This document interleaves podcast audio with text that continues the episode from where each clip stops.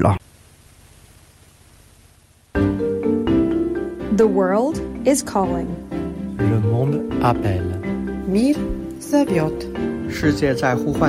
Il mondo ci chiama. Werden Keller. Mr. Speaker, I am a fighter and not a quitter. Det her lydklip er fra onsdag i denne uge, hvor den britiske premierminister Liz Truss stiller sig op foran sine kolleger og siger, I'm a fighter, not a quitter. Dagen efter, der var både beskeden og tonelejet et andet. Given the situation, I cannot deliver the mandate on which I was elected by the Conservative Party. I have therefore spoken to His Majesty the King to notify him that I am resigning as leader of the Conservative Party. Ja, Liz Truss trækker sig efter bare 44 dage på posten som premierminister. Det er kortere tid, end det tog at vælge hende i første omgang. Og nu skal britterne altså have deres femte premierminister siden Brexit-afstemningen tilbage i 2016. Derfor spørger jeg i dag, hvem kan fikse britisk politik? Og hvis du gerne vil forstå, hvad der er sket her, og hvor store problemer britterne er i, jamen så hæng på. Og vi skal også høre, hvad de britiske vælgere siger til sagen. Vi har talt med både en, der har stemt konservativt, og en, der så absolut ikke har. Og du kan også byde ind øh, derude på sms'en. Hvordan kommer britterne ud af den her? Har du måske et godt råd til dem? Skriv den ind på 1424 på sms. Mit navn er Mads Anneberg, og det her er Verden kalder på Radio 4.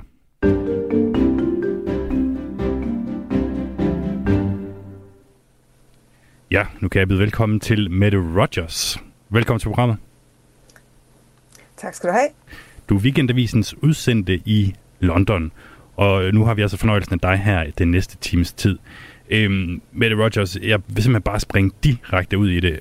Prøv at høre, Liz Truss her, hun har stor politisk erfaring. Hun har haft øh, fremtrædende ministerposter. Hun, øh, hun øh, altså, sidder jo for et parti, der har absolut flertal i det britiske underhus.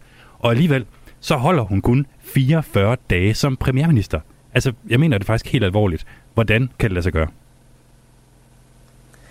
Jamen altså, hun begik, øh, begik simpelthen en gigantisk fejl øh, helt i starten jo, øh, efter hun var tiltrådt, hvor hun fremsatte den her mini-finanslov, som var fuld af ufinansierede skattelettelser, øh, som altså mere eller mindre crashede landets økonomi. Øh, og derefter så gik det simpelthen kun én vej for hende, fordi hun blev tvunget til, for at genskabe den økonomiske stabilitet i landet, simpelthen at droppe hele det program, hun lige var blevet valgt på. Og så var der jo, kan man sige, ikke ret øh, meget pointe i, at hun overhovedet blev siddende. Hun prøvede, øh, men på det tidspunkt, der havde hun simpelthen tabt sin autoritet og opbakning, både i landet blandt vælgerne, men også blandt øh, sine egne parlamentarikere. Og det var simpelthen dem, der så til sidst sagde til hende, at du bliver nødt til at gå, fordi vores parti kan ikke overleve det her. Det, det har været det, som man måske i danske politikerkredse vil kalde et uskyndt forløb. Øhm, jeg ved, at du selv har mødt Liz Truss, interviewet hende, da hun var udenrigsminister. Øhm, mødte du der en person, som ikke havde styr på øh, sine sager? Nej, overhovedet ikke. Øhm, hun havde ikke det bedste ry. Øhm, altså, kommentatorer havde tit snakket om, at hun var lidt øh, dum og lidt øh, talt på en mærkelig måde osv. Så, videre. så, så jeg havde ikke særlig høje forventninger til hende, men da jeg mødte hende, så virkede hun utrolig velforberedt. Hun havde virkelig styr på detaljerne, øhm, og faktisk tænkte jeg bagefter, at jeg troede, at mange måske havde undervurderet hende. Man kan selvfølgelig også sige, at hun, hun blev jo altså også premierminister, og, og det, var, det er absolut ikke let at blive premierminister herover, men altså, så gik det så galt derfra.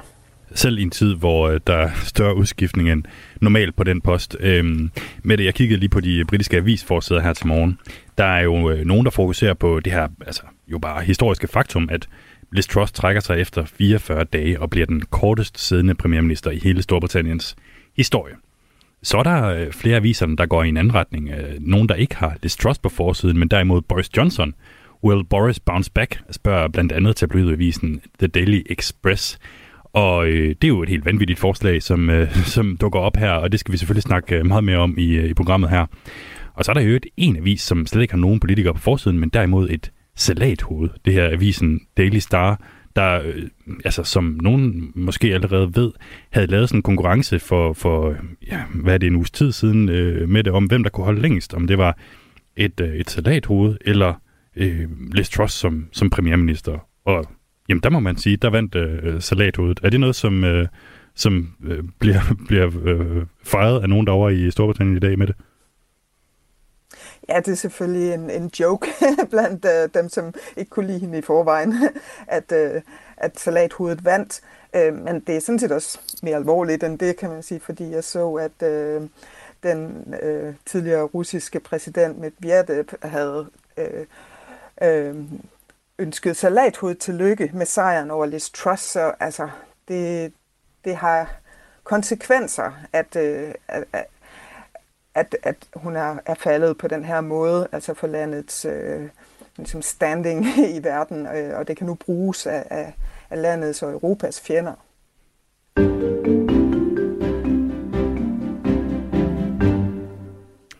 Nu skal vi høre fra en af dem her, som, øh, som det her ikke handler om. Han har sagt øh, en, som ikke rigtig får lov til at sige så meget i øjeblikket, nemlig en britisk vælger. Det er en mand, der hedder Lee Bardini, som jeg mødte på en øh, pop i England for et års tid siden. Han er, øh, han er kæmpestor øh, Boris Johnson-fan, og er en mand, der ligesom har stemt øh, konservativt hele sit liv. Øhm, og i går, lige efter at øh, premierminister Liz Truss havde trukket sig, så ringede jeg til ham for at få hans reaktion på, øh, på det her. Han var nærmest øh, chokeret over, hvad der var sket. To, to, to be honest, I can't, I can't believe it. I thought she would, I thought the Conservatives would have to stick it out. I think this is probably more shocking than the Brexit result. You know, I, I, I really am like, I, I, can see why it's happened, but I just can't believe that they've actually done it. I mean, it's just like putting it's like it's like someone's put a bomb in the in the Conservative Party and, and just detonated it. you know, yeah. I mean, I thought it would be time to sort of close ranks and just like, prop her up for a while. But oh God, I mean, who do you put in? Who do you put in now? Who do you put in? Hvem skal lede landet, spørger han altså her øh, retorisk. Mest af alt, øh, det er jo det store spørgsmål lige nu. Øhm, men Mette Rogers, øh, altså øh, Storbritanniens korrespondent for Weekendavisen, lige her, han var nærmest chokeret jo over, at, øh, at det her var sket, og han siger, at det er mere overraskende, end at øh, Storbritannien øh, valgte at stemme sig ud af EU i sin tid. Øh, var du lige så overrasket? Uh, ja og nej, altså jeg vil sige, selvfølgelig tænkte man, det kan ikke ske, fordi det er aldrig sket før, at en premierminister ikke holder længere. På den anden side, så, så tror jeg, at den seneste uge, øhm, der har det stået klart, at, at det ville gå den vej. Øhm, og man kunne også se det sådan på kommentatorerne, både uafhængige kommentatorer, men også folk internt i partiet. Altså jeg har aldrig nogensinde hørt så stor enighed om, at hun ikke ville holde. Øhm, så det var mere et spørgsmål om, hvor længe det ville gå, øh, hvor lang tid kunne hun trække den ud, øh, og kunne hun måske få stabiliseret øh, forholdene lidt og, og trække sig lidt mere med æren i behold. Men, øh, men der var altså allerede for en uges tid siden ingen tvivl om, at det var den her vej, det gik for hende. Jeg, øh, altså, jeg, jeg spurgte ham her, den konservative vælger lige Bardini, hvordan han ville beskrive Liz Truss' sådan, ret korte tid ved, ved magten. Han sagde sådan her. Well, if, if, you, if thought Boris made a bit of a pig's ear of it, I mean, in a, in a month, she's, she's taken the Conservatives back. I'm, I'm 54, and in my lifetime, I've never seen anything like it. It's we, we've gone back. We've gone back miles, miles, miles away. We, I, I'm, I'm speechless. I'm absolutely speechless. Hvis man troede, at uh, Boris Johnson havde lavet griseører ud af situationen, så skulle man altså bare vente til at se uh, Liz Truss her, som har fået det konservative parti til at være i fuldstændig frit fald, bemærker uh, Lee Bardini, altså en, en indtil videre lojal konservativ vælger over i, i Storbritannien, som kommer fra, fra det vestlige London. Faktisk så mener han ikke, at hun har gjort en eneste ting rigtigt. There's, there's not one thing she's done right. I mean, there's normally not what. And I'm, I'm trying to be positive here. I'm trying to be positive. I'm trying to look at it. What's one thing that she's done right? And there's I can't even think of one thing. It's just it's, it's an embarrassment. It's like a, it's like how do they pick it up from here? Where do we go from here? Where do we go from here? Ja. Han, øh, han er virkelig træt af den her situation, og han er jo også træt af, siger han til mig, at øh, altså, der, der er den her tendens til, at man bare skifter ud på lederposten i de konservative, uden at øh, give folk en, en, en stemme øh, i, i, i det her spørgsmål. Han var jo, som jeg var inde på øh, tidligere, en kæmpe fan af Boris Johnson, men havde jo ikke øh, så meget til over for Liz Truss, og havde ikke øh, stemt på hende jo. Øh, så jeg spurgte lige, hvordan han vil beskrive den situation, som de konservative står i nu i England, i Storbritannien. It's, it's a runaway train now. You know, the, the, the economy, this interest rates, it's the, the train is hurtling down the track with no driver. You know, Liz Truss has jumped off. You know, Boris has jumped off or been pushed off, and uh, the, the train's just hurtling into oblivion, and we ain't got no one to we ain't got no one to stop the train. Øh, det er et uh, tog, der kører uden chauffør lige nu, altså Storbritannien. Liz Truss er hoppet af, Boris Johnson er blevet smidt ud. Øh, ingen øh, står i, i førerkabinen, og ingen kan stoppe det her tog. Mette Rogers, er det en øh, nogenlunde præcis beskrivelse af, hvad der foregår i Storbritannien i de her dage? Ja, i hvert fald indtil de får valgt en ny øh, formand og, og premierminister. Øh, men det er jo i hvert fald rigtigt, at lige meget hvem de vælger, så vil altså økonomien øh, er under voldsom pres, og det var den i forvejen, da hun trådte til Liz Truss, øh, men hendes øh, minifinanslov der har gjort det endnu værre. Øh, renterne er, har stabiliseret sig igen, men på et øh, betydeligt højere niveau, end de var før. Øh, hun fremsatte det Øh, Øhm, pundet er stadigvæk under pres. Øh, bank, Nationalbanken har stadigvæk brugt milliarder på at, at støtte den britiske økonomi og pensionsfondene. Så øh, den nye finansminister har jo altså øh, droppet alle hendes skattelettelser igen, men nu på grund af rentestigningerne mangler han altså yderligere 30 milliarder pund, som, øh, som skal findes ved, ved besparelser øh, eller måske øh, endda skattestigninger. Øh, så han har ret i, at øh, det, det ser ekstremt svært ud for øh, hvem end, der bliver den nye premierminister. Ja, og øh, selvom han er øh, Libardini-vælgeren her, som, som jeg har talt med, jo ærke-konservativ, han har simpelthen aldrig stemt på andet, han er stor fan af Boris Johnson osv., så, videre, så føler han dybest set, at det, som Storbritannien har brug for nu, det er, det er et valg doing a Labour government now. Oh God, that's that's painful for me to say as, as a Conservative, but I, I, I can't argue if, if if they have an election now and Labour do get in and they will get in. What, what, what, what can I've got no I've got no argument. What can I say? You know. Yeah, you know. Øhm, jeg, jeg spurgte om, om landet har brug for altså en, en Labour-regering måske endda, og, og han siger, at det, det smerter ham at sige det som konservativ, men hvis, hvis Labour skulle blive valgt nu, og det ville de jo, hvis, øh, hvis, øh, hvis der var valg, jamen det kunne han jo ikke sige noget til. Altså, det ville han ikke have nogen argumenter imod. Øhm, Mette Rogers, det er altså en ærke-konservativ mand her, som ikke længere tror på partiet dybest set. Hvor, hvor galt står det til for det konservative parti i Storbritannien? Jamen, øh, det er egentlig helt utroligt. Han er langt fra alene om at sige det her. Altså, og det, det, det er ikke noget, man er vant til at høre selvfølgelig i, øh, i britisk politik, eller ved at tro nogen steder. Men øh, der er faktisk rigtig mange, der snakker om, at altså, de konservative har været ved vagten nu i, i, i 12 år, og øh, det måske, siger de selv, på tide at, at tage en periode i, i opposition og simpelthen finde ud af, hvad det er, de står for. Prøve at blive enige om et program, fordi de er så splittet internt. Øhm, og jeg tror også, at der er mange, der godt kan se, at det her med, at at partiet internt bliver ved med at udskifte øh, partilederen og dermed landets premierminister. Altså det, det er måske ikke imod øh, forfatningen, men rent demokratisk, øh, så er det problematisk, at øh, det britiske folk bare får påduttet den ene nye premierminister øh, efter den anden, uden at øh, de får noget at sige. Så altså, der er ingen tvivl om, at partiet er i, i, i simpelthen så, så stor en krise lige nu, at det nok også er grunden til, at der netop ikke bliver udskrevet valg lige nu, fordi meningsmålingerne jo altså viser, at øh, de nærmest ville blive udslettet, hvis de gik til valg nu. Øh, men ikke desto mindre, på trods af det, så er der altså mange i partiet, der siger, at det, det vil være det rigtige at gøre. Altså udskrive valg? Ja. Altså, jeg, jeg kan, det, er jo også, det er jo ikke første gang, det sker, det her. Altså, øh, Theresa May blev sat ind i stedet for øh, David Cameron, tidligere, begge to tidligere premierministre, øh, konservative, og øh, Boris Johnson blev sat ind i stedet for øh, øh øh, der hvad hedder det, ja, øh, Theresa May og, og Liz Truss blev sat ind i stedet for Boris Johnson. Så det er jo ligesom sådan en, en, en trend i Storbritannien, at det er de konservative parti, øh, nærmest oftere end vælgerne for tiden, der, der bestemmer, hvem der skal lede øh, landet. Og øh, grunden til, at de kan det, det er jo så også fordi, at øh, Boris Johnson fik et kanonvalg sidst der var valg i, i Storbritannien for, øh, for omkring tre år siden. Jeg kan huske, jeg overdækte det, hvor det jo netop var det, sådan, det ultimative Brexit-valg.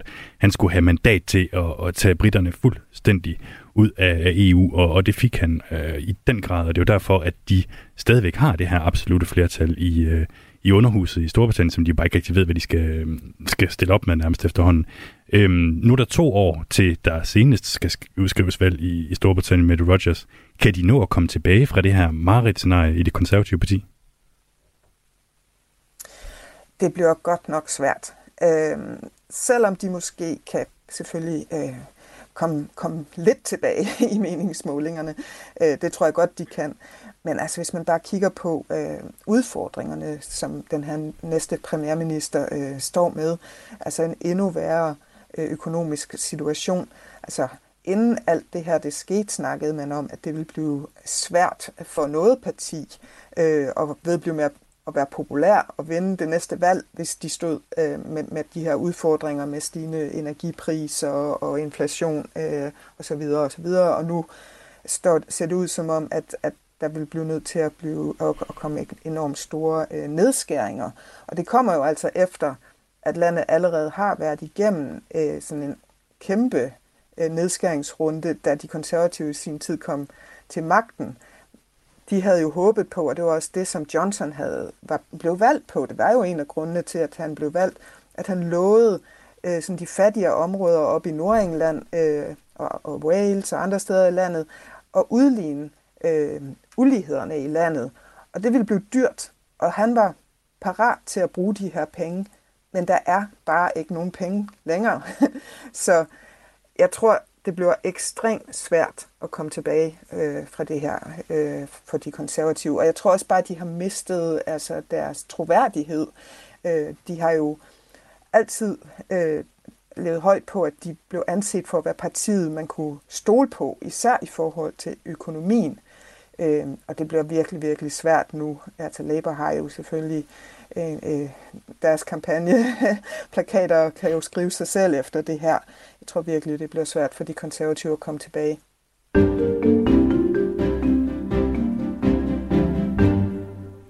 Det her er programmet Verden kalder på Radio 4, hvor vi ser nærmere på det politiske færdselsuheld, der udspiller sig i Storbritannien lige nu. Du øh, kan sms ind til os på 1424, hvis du for eksempel hvis du har et godt råd til, hvad britterne nu skal stille op. Øh, de er jo lidt i, i vildrede, som vi kunne høre lidt på den øh, britiske vælger, jeg talte med her tidligere. Mette Rogers, øh, vi, vi taler jo altså om, at Liz Truss trak sig i går som premierminister efter bare 44 dage på posten. Og ved den lejlighed, så siger hun jo så også, at der skal være en ny premierminister på plads i næste uge. Så med andre ord, så har det konservative parti en uge til at finde en ny premierminister. Er det en øh, overraskende tidsramme? Uh, det er i hvert fald ikke normalt. altså, vi har jo lige uh, haft en formandsvalgkamp, der, der strak sig hele, altså hen over sommeren. Uh, Øh, og, og det er mere altså, normalt, at man tager så god tid og kommer ud og snakker øh, med vælgerne. Men øh, i den, den situation, man står i, øh, der, der øh, er der ingen tvivl om, at der simpelthen på grund af landets økonomiske situation og, og altså stadigvæk øh, tumult på finansmarkederne, der, der ved alle, at, at man har ikke råd til at trække det ud. Øh, så derfor så skal det gå virkelig hurtigt. Øh, og ja, en uge, så nu har de ændret reglerne, så det kan lade sig gøre og gøre det på en uge. Hvorfor haster det så meget her? Jamen, altså, det lykkedes uh, Truss, eller rettere Jeremy Hunt, uh, den, uh, den uh, finansminister, som hun, hun udpegede til at, at prøve at genoprette tilliden på finansmarkederne, og, og det gjorde han jo ved altså at droppe hele hendes program, som jeg sagde. Altså hun, øhm, alle skattelettelserne, han reducerede den her kæmpe hjælpepakke, hun havde annonceret, som ellers skulle have hjulpet folk med de stigende energipriser. Øhm, den er blevet reduceret fra to år til seks måneder. Øhm, og det betød, at markederne faldt til ro, men de venter jo stadigvæk på, hvad der nu skal ske. Øh, de venter på, om, om den næste premierminister er en, der vil stå ved det her program, eller om det er en, som øh, måske har helt andre idéer, øh, og som de måske stoler mindre på. Øh, man har i forvejen man venter i forvejen på, at Jeremy Hunt, øh, finansministeren, han kommer med en mere dybdegående øh, øh, finanslov, altså hvor han beskriver mere i dybden, hvad der skal ske, og den var planlagt for 31. oktober, øh, som i forvejen var noget, man snakkede om, var sådan lige lidt sent i forhold til markederne, øh, men nu altså, håber man på, hvis man kan få en, en øh, premierminister på plads hurtigt, at, at man så stadigvæk kan holde fast i den dato. Så der er på mange måder brug for afklaring i, øh, i Storbritannien. Og øh, det skal vi jo så have inden for den næste uges tid. Jeg vil sige, noget af det mest øh, ja, kulørte, der er kommet frem her det, det seneste døgns tid, det er at de britiske aviser flyder over med rygter om, at det skulle være Boris Johnson, som gør klar til at træde til af alle mennesker. Altså den øh, tidligere premierminister i Storbritannien, at han skulle være klar til at melde sig under fanerne som ham, der kan gå ind og redde partiet og landet øh, en gang til, kunne du nærmest sige. Er det en reel mulighed, med Rogers? Ja, det er det, må jeg sige. Altså, på grund af den, de nye regler, de, altså, de har simpelthen besluttet, at øh, hver øh, kandidat øh, skal have 100 støtter, altså det er parlamentarikere, og det betyder, at der maks kan være øh, tre kandidater, fordi der er 357 øh, konservative øh, parlamentarikere, og det ser ud som om, at de tre, der sådan ligesom øh, er opbakning omkring, hvor at der er en af dem faktisk Boris Johnson, og det rapporteres også i The Telegraph, som har en god kontakt til ham, at han er interesseret. Han venter bare lige på at se, om han nu kan få de 100 øh, støtter, inden han melder sig på banen. Øh, så det, det, der så sker, det er, at øh, parlamentarikerne stemmer feltet ned til to, og derefter får øh, medlemmerne en online stemme. Øh, og medlemmerne elsker Boris Johnson. Øh, flere meningsmålinger har vist, at øh, de vil have ham tilbage, og der er flertal for det. Så hvis det ender med to, det kan godt være, at, at det ender med, at der faktisk kun er en kandidat tilbage, og det aldrig kommer ud til, til medlemmerne. Men hvis medlemmerne de rent faktisk får en stemme, og hvis det bliver mellem Boris Johnson og en anden kandidat, så kan han komme tilbage. Prøv, øh, man skal næsten prøve at forestille sig en scenarie, hvor det bliver Boris Johnson, der bliver den øh, næste premierminister i Storbritannien, og øh, Lars Lykke kommer til magten herhjemme, ikke? Altså som om, at verden på en måde øh, går i øh, går, går i baglæns. Øh. Jeg, jeg tænker mig med Rogers, det, det er jo, altså, der, der er jo nogle, nogle grunde til, at, at Boris Johnson trak sig i første omgang her i sommer. Er der, er der nogle problemer forbundet med, hvis han skulle blive den nye premierminister i Storbritannien? Ja, helt sikkert. Altså, der er allerede, øh, jeg tror, tre parlamentarikere, der har sagt, at hvis han kommer tilbage, så melder de sig ud af partiet. øhm, altså, man skal jo huske på, at der var en mistillidsafstemning, hvor faktisk omkring 150 ud af de her 357 øh, parlamentarikere stemte imod ham. Han blev presset ud af jobbet, øh, fordi omkring 60 øh, ministre og rådgivere øh, sagde op øh, på meget, meget kort tid, hvilket var et klart signal til ham om, at, at, øh, at tiden var, var, var kommet til at, at smide håndklædet i ringen. Øhm, og det andet, det er så også, at øh, der er stadigvæk en undersøgelseskommission øh, i parlamentet, som er ved at undersøge, om øh, han misledte parlamentet, øh, og som kommer med deres konklusion her øh, en gang i efteråret. Hvis han gjorde det, så ville, hvis han stadigvæk havde været premierminister, så ville han være tvunget til at gå af. Øh, så altså, hvis han kom tilbage, så ville det dels rippe op i en masse intern splittelse i partiet, og dels er der masser af skandaler, der bare ville dukke op til overfladen igen. Altså grund til, at man ikke taler om Partygate og så videre mere, det var jo netop fordi han gik af. Kommer han igen, så kommer den debat sikkert også igen. Så man kan simpelthen risikere et scenarie, hvor Boris Johnson træder til og er nødt til for anden gang i sin karriere at gå af som, øh, som premierminister. Det er nogle øh, vilde tider i britisk politik, øh, som vi er vidner til i øjeblikket, og det taler vi altså om hele programmet igennem her i dag. Du er også med øh, på den anden side af det nyhedsoverblik, der kommer lige om lidt, øh, med Rogers, hvor vi også øh, blandt andet skal høre fra en skotte, som ikke er så øh, tilfreds med den politiske situation i Storbritannien i øjeblikket, og øh, hvor vi også får øh, selskab af en anden øh, journalist, som beskæftiger sig øh, intenst med, med det her emne, og hvor vi ligesom også lige prøver at oprise, hvad er det egentlig, hun har gjort øh, forkert, Liz Truss, siden hun er nødt til nu at tage konsekvensen og gå af. The world is calling monde appelle. Mir Zaviot. Il mondo ci chiama. Verden kalder. Mens vi i Danmark er ved at vælge politikere, så er de i Storbritannien ved at vælte dem. Liz Truss er gået af som premierminister, og det skete i går torsdag, og derfor spørger jeg i dag, hvem kan egentlig fikse britisk politik? Og hvis øh, du gerne vil øh, forstå, hvad der er sket, og hvor britterne er på vej hen nu, jamen, så hæng på i programmet her. Mit navn det er Mads Anneberg, og du lytter til Verden kalder på Radio 4. Du kan også byde ind på øh, sms, skriv ind på 1424, og jamen, altså, giv dit bud på, hvordan britterne ligesom kommer ud af den her kattepine, som, øh, som de står i. Vi har øh, blandt andet øh, fået en sms fra René, som siger, jeg synes, det vil være fint, hvis Boris Johnson kommer til rådet igen. Han har begået et par fejl i forbindelse med corona, men øh, altså, lovpakkerne i den vestlige verden har aldrig været givet til corona, øh, skriver han. Og så er han måske til fester, men det viser, at han er et menneske og ikke en robot. Så altså en hilsen her fra en mand, som absolut ikke vil have noget mod, at Boris Johnson gør øh, et vanvittigt comeback i britisk politik. Vi øh, har i dagens øh, program øh, en journalist med, der hedder Mette Rogers. Du er korrespondent i Storbritannien for Weekendavisen. Er du, øh, hænger du stadig på her med det? Det gør jeg. Klimmerne. Og så har vi også fået selskab af en anden journalist, Morten Rønnelund, som øh, vi, vi bruger her på Radio 4, når det kommer til, til Storbritannien øh, ganske ofte. Morten, velkommen til programmet. Tak skal du have, Mads. Og du får lige et lille nyk på volumenknappen her. Altså, hvis vi skal prøve at se på den sag, som nu har endt med at fælde den britiske premierminister Liz Truss, hvor er det så præcist, at det går galt for hende, Morten Rønlund?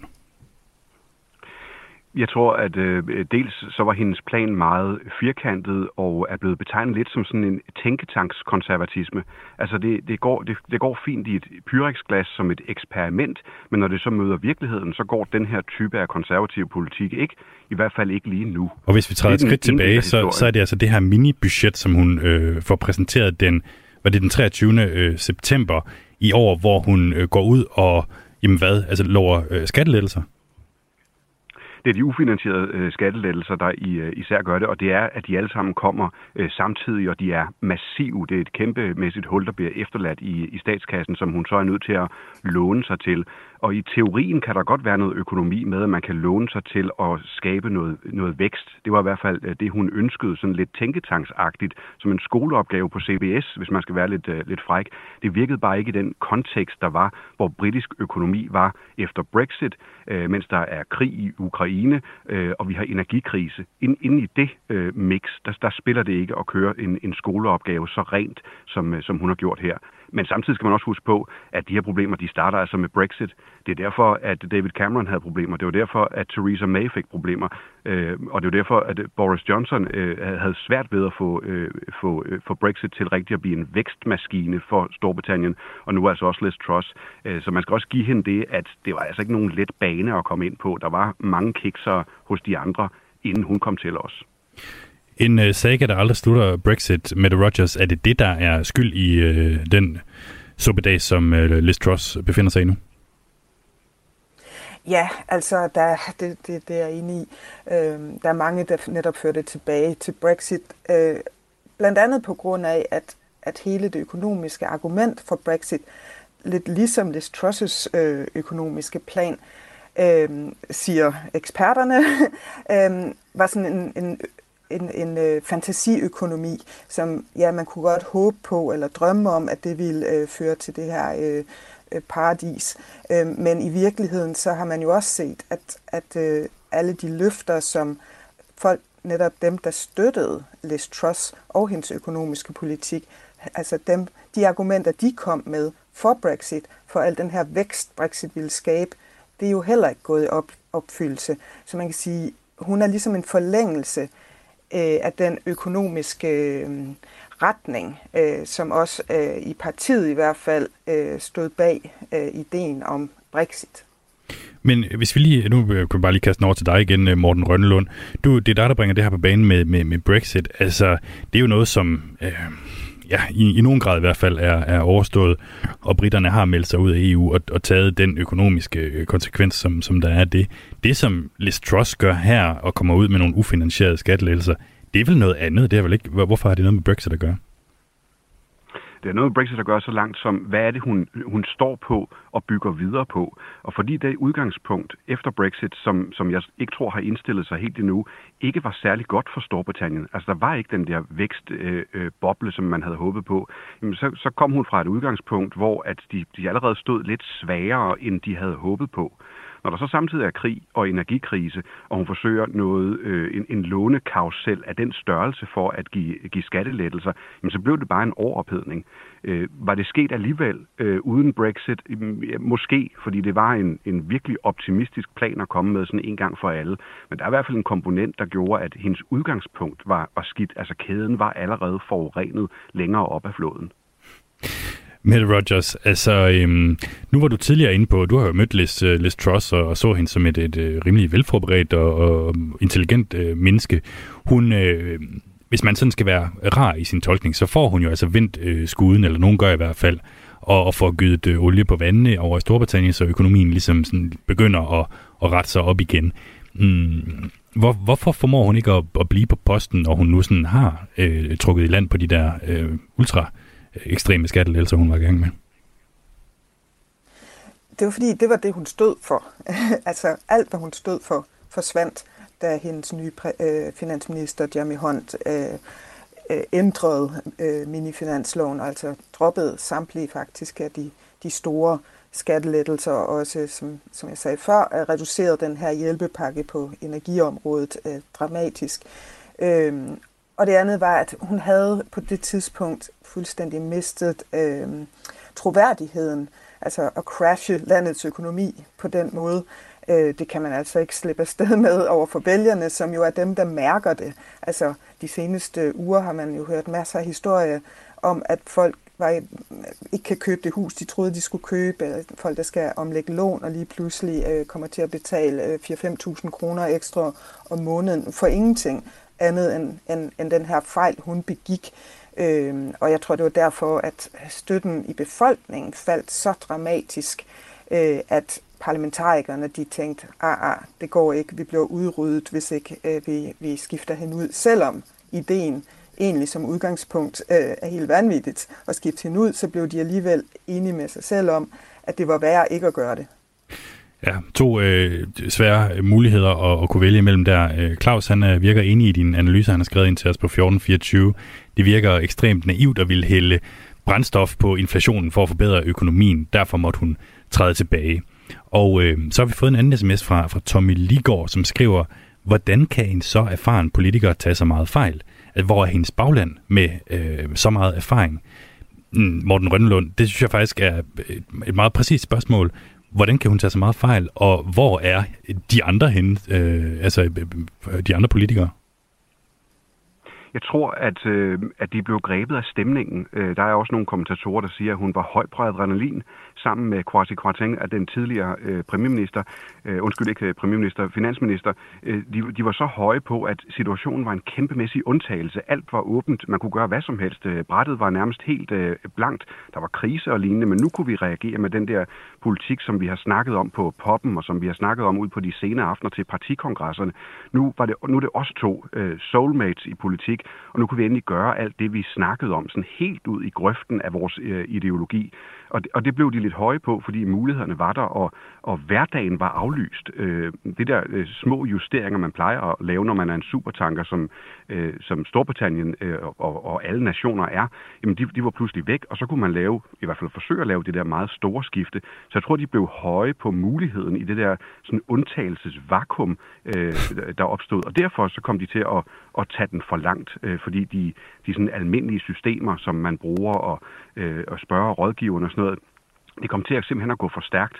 Altså man taler om efter øh, øh, øh de økonomiske problemer i, i 08, øh, der brugte Gordon Brown adskillige måneder på at spørge til højre og venstre og olie på vandene og høre det, og hvad vil det betyde hos jer, og hvad er jeres reaktion, øh, før han lavede nogle sådan større ændringer i, øh, i politikken. Her der blev, det, det blev for langt og for hurtigt, måske en eller anden øh, adrenalin-rus, som, øh, som, som især hende og finansministeren var i. Det kan nærmest lyde øh, smukt med sådan to mennesker, der altså soulmates, der har genfundet deres begejstring for politik, hvis ikke det var fordi, at, øh, at det gik så galt. Vi har fået en, øh, en sms ind fra øh, Nils, som øh, simpelthen har, har skrevet digt om situationen. Lad os lige, lad os lige få den med. Øhm, England meldte sig ud af EU. Nu er de på røven og helt i tu. Nu sejler det og mangler en leder, og de skal både gå med livrem og seler. Men de har selv ret, som de ligger. Resten af verden, de kigger og stikker. At England ledes af tosser er klart. Det kan vi nu se, og det er ikke så rart. Hilsen Niels. Så poetisk, kan det siges.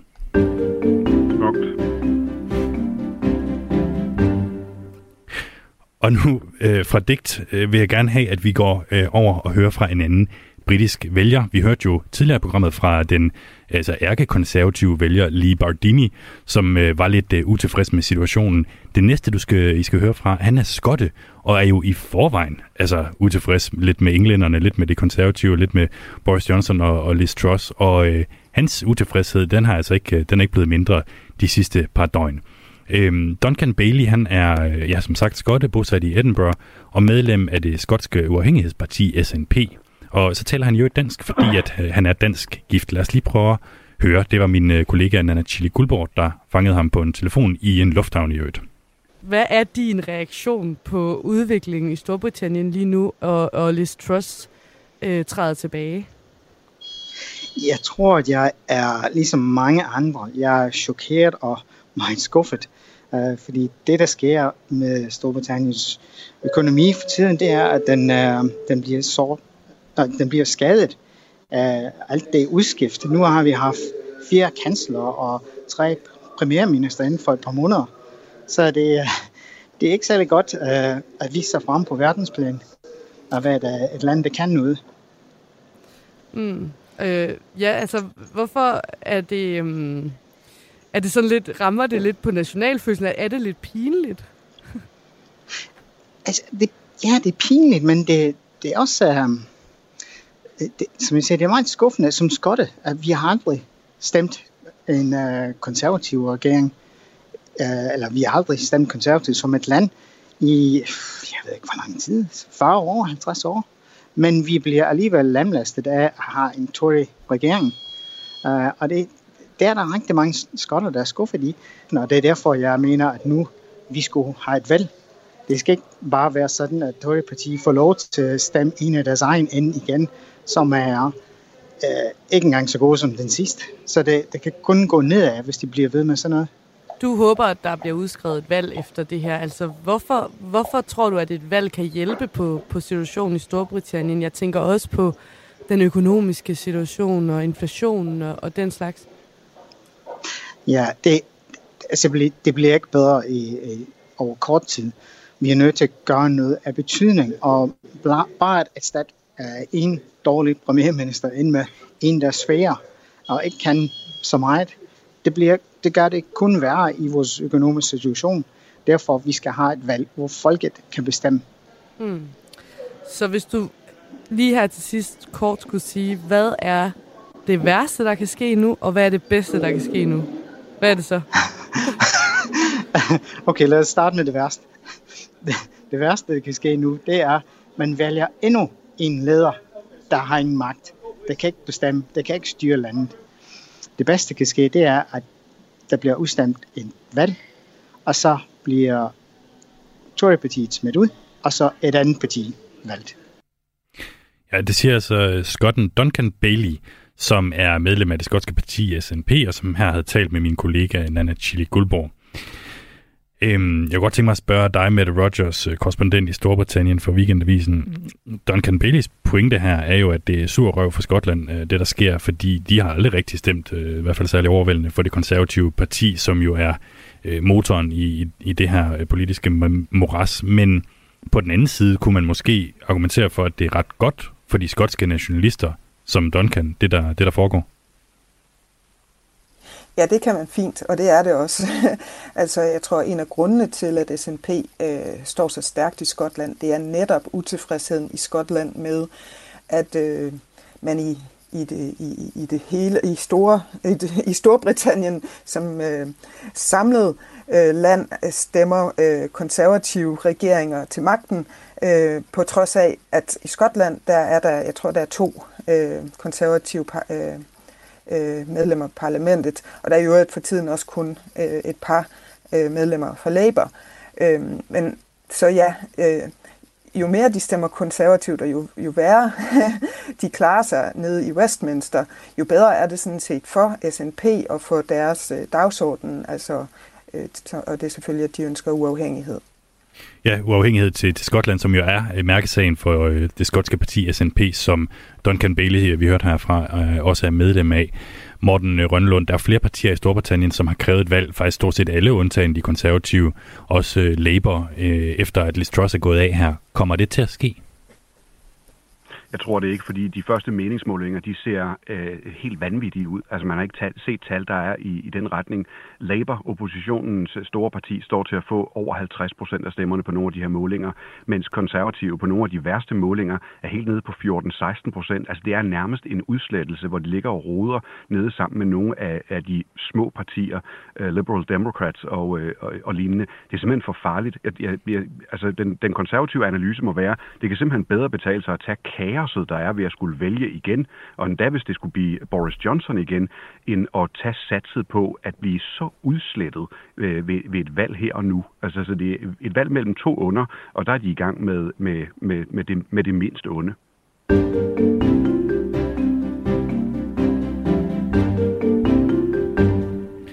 Du lytter til Verden kalder på Radio 4, og i dag der diagnostiserer vi det øh, hvad skal man sige, politiske øh, råd, der foregår på den anden side af Nordsøen i Storbritannien, hvor øh, premierminister Liz Truss i går trak sig efter bare 44 dage ved magten.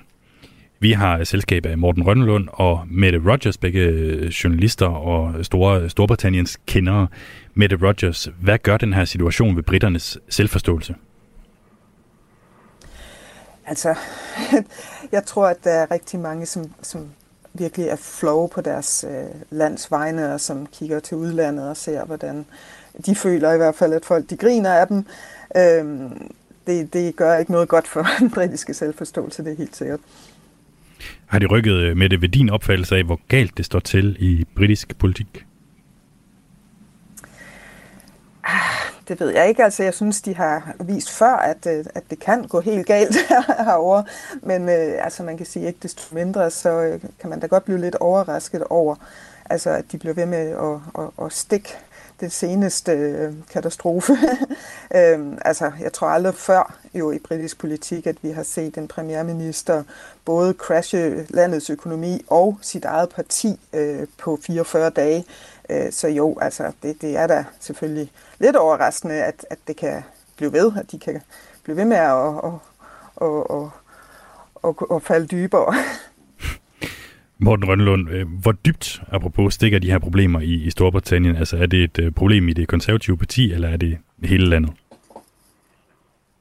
Ja, måske er det især i det konservative parti, fordi det også er dem, der var hårdt splittet på, på Brexit-spørgsmålet. Jeg tror, det her det er et emne, der bliver skrevet bøger om i de næste øh, 20 år, for at forstå, hvad det var, der skete i sjælen på Storbritannien, da Brexit lige præcis blev snedet øh, øh hjem, øh, på trods af, af den øh, kæmpemæssige øh, splittelse, der var. Altså, der er, hvis man skal være sådan lidt banal, øh, de, de der gamle, vi er imperiet, og vi har en kedelig fortid på nogle områder, men vi har også en stor fortid. Det er os. Øh, vi kan stå alene, vi kan lave øh, handelsaftaler bedre, øh, vi går igennem Brexit, og så laver vi stærkere aftaler udenfor. Og det værste, du kan sige til en britte lige nu, og det er ikke kun de konservative, det er sådan set også dem på den anden side, det er, nå, så gik der lidt Italien i den, var. Altså, det, det er den rene rå ydmygelse, hvis de skal, skal sammenlignes med de der sydeuropæiske nationer, som, som de altid har følt sig lidt hævet over. Nu tager jeg virkelig duploklods-udgaven af den britiske folkesjæl, men der, der er rigtig meget på spil i den der, og det, det, det tror jeg vil blive analyseret analyseret øh, i de næste mange år, også prøve at forstå ind i forskellige generationer af, af britter. Men jeg tror, meget af det kan føres tilbage til det, og så er vi lidt ved Brexit igen. Mette Rogers, er du enig i, at det er et problem, det her, som i nogen grad begrænser sig til det konservative øh, parti, eller er det ved at få, få konsekvenser vidt og bredt i Storbritannien? Altså man kan sige, at Brexit var selvfølgelig, forholdet til Europa var selvfølgelig et problem for andre partier, ikke kun det konservative, men nu er det dem, der har været ved magten, det var også dem, der, der, der, der ligesom ejer Brexit, kan man sige. Det var David Cameron, der udskrev folkeafstemningen, det var Boris Johnson, der, der var en af hovedtalerne øh, for Brexit, og, og som, som uh, talte for det, og det, det er de konservative, der har været ved magten uh, lige siden. Øhm, så jo, det er der problemet primært ligger. Jeg tror, at der er en chance for at genoprette øh, situationen, hvis man får en, en helt anden regering, en meget mere professionel øh, regering, end det vi ser lige nu. Så er det det, der skal til for at løse problemet, Morten Rønnelund, altså en, en anden regering? Det, det lyder som noget, vi har prøvet før i Storbritannien. Jamen, det tror jeg, med har ret i, og, øh, og pointen er måske endnu bredere end, altså hvis hverdagen kunne komme tilbage, så britterne igen kan køre den på, på, på hverdagsforståelsen og hverdagsrutinen, fordi det har været undtagelse siden Brexit. Så kunne vi have en aftale, så kunne det ikke lade sig gøre, så er vi nødt til at skifte ud og stemme igen. Altså, jeg tror, at hverdag øh, kunne give noget, noget ro i Storbritannien, og ja, det kræver nok en, en anden øh, regering, i hvert fald i, i, i nogle år, fordi de har siddet der i, i 12 år, de konservative. Men, men, men, men derefter kunne de konservative måske godt komme tilbage. Det, det er nok den der hverdagsfølelse af at komme tilbage på, på det normale spor og være normal Storbritannien, ikke i undtagelsestilstand igen, øh, der, der er vejen ud for dem. Og, øh, vi har en lytter, Lars Madsen, der spørger på sms'en, om man kan forestille sig en ny afstemning om EU i Storbritannien om 5-10 år. Morten? Øh, jeg tror nej, fordi at selv de partier, som øh, var tilhængere af at blive i EU, øh, de får svært ved at løfte, øh, at, at der allerede nu øh, skal, øh, skal snakkes om et nyt mandat fra folket. Jeg tror simpelthen, det er en postgang øh, øh, øh, for tidligt. Men altså, man skal aldrig sige aldrig, øh, når, når, når de konservative står så, svært, så, øh, så svagt, så vil det være et godt tidspunkt at gøre det på. Men, men så længe siden er det altså ikke, og, og, og man kan ikke blive ved med at spørge folket, så bliver det en, en, en glidebane.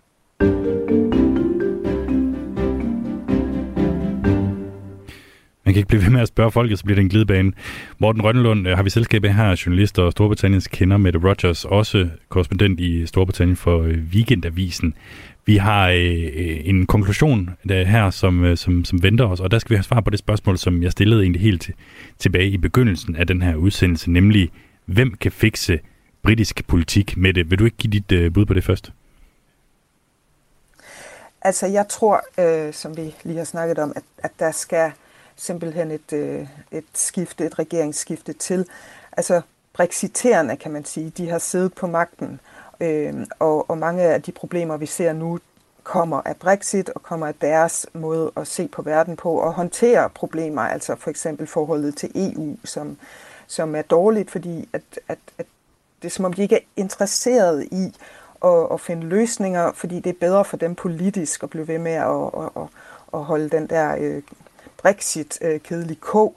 Øhm, jeg tror, man har behov for en, en regering, der ja, netop øh, bare kan føre almindelig politik øh, som et almindeligt land, og ligesom få parkeret de der uoverensstemmelser, man har, især med EU, så man kan få et fornuftigt samarbejde igen, og bare komme videre og ja, leve et mere almindeligt øh, liv i Storbritannien.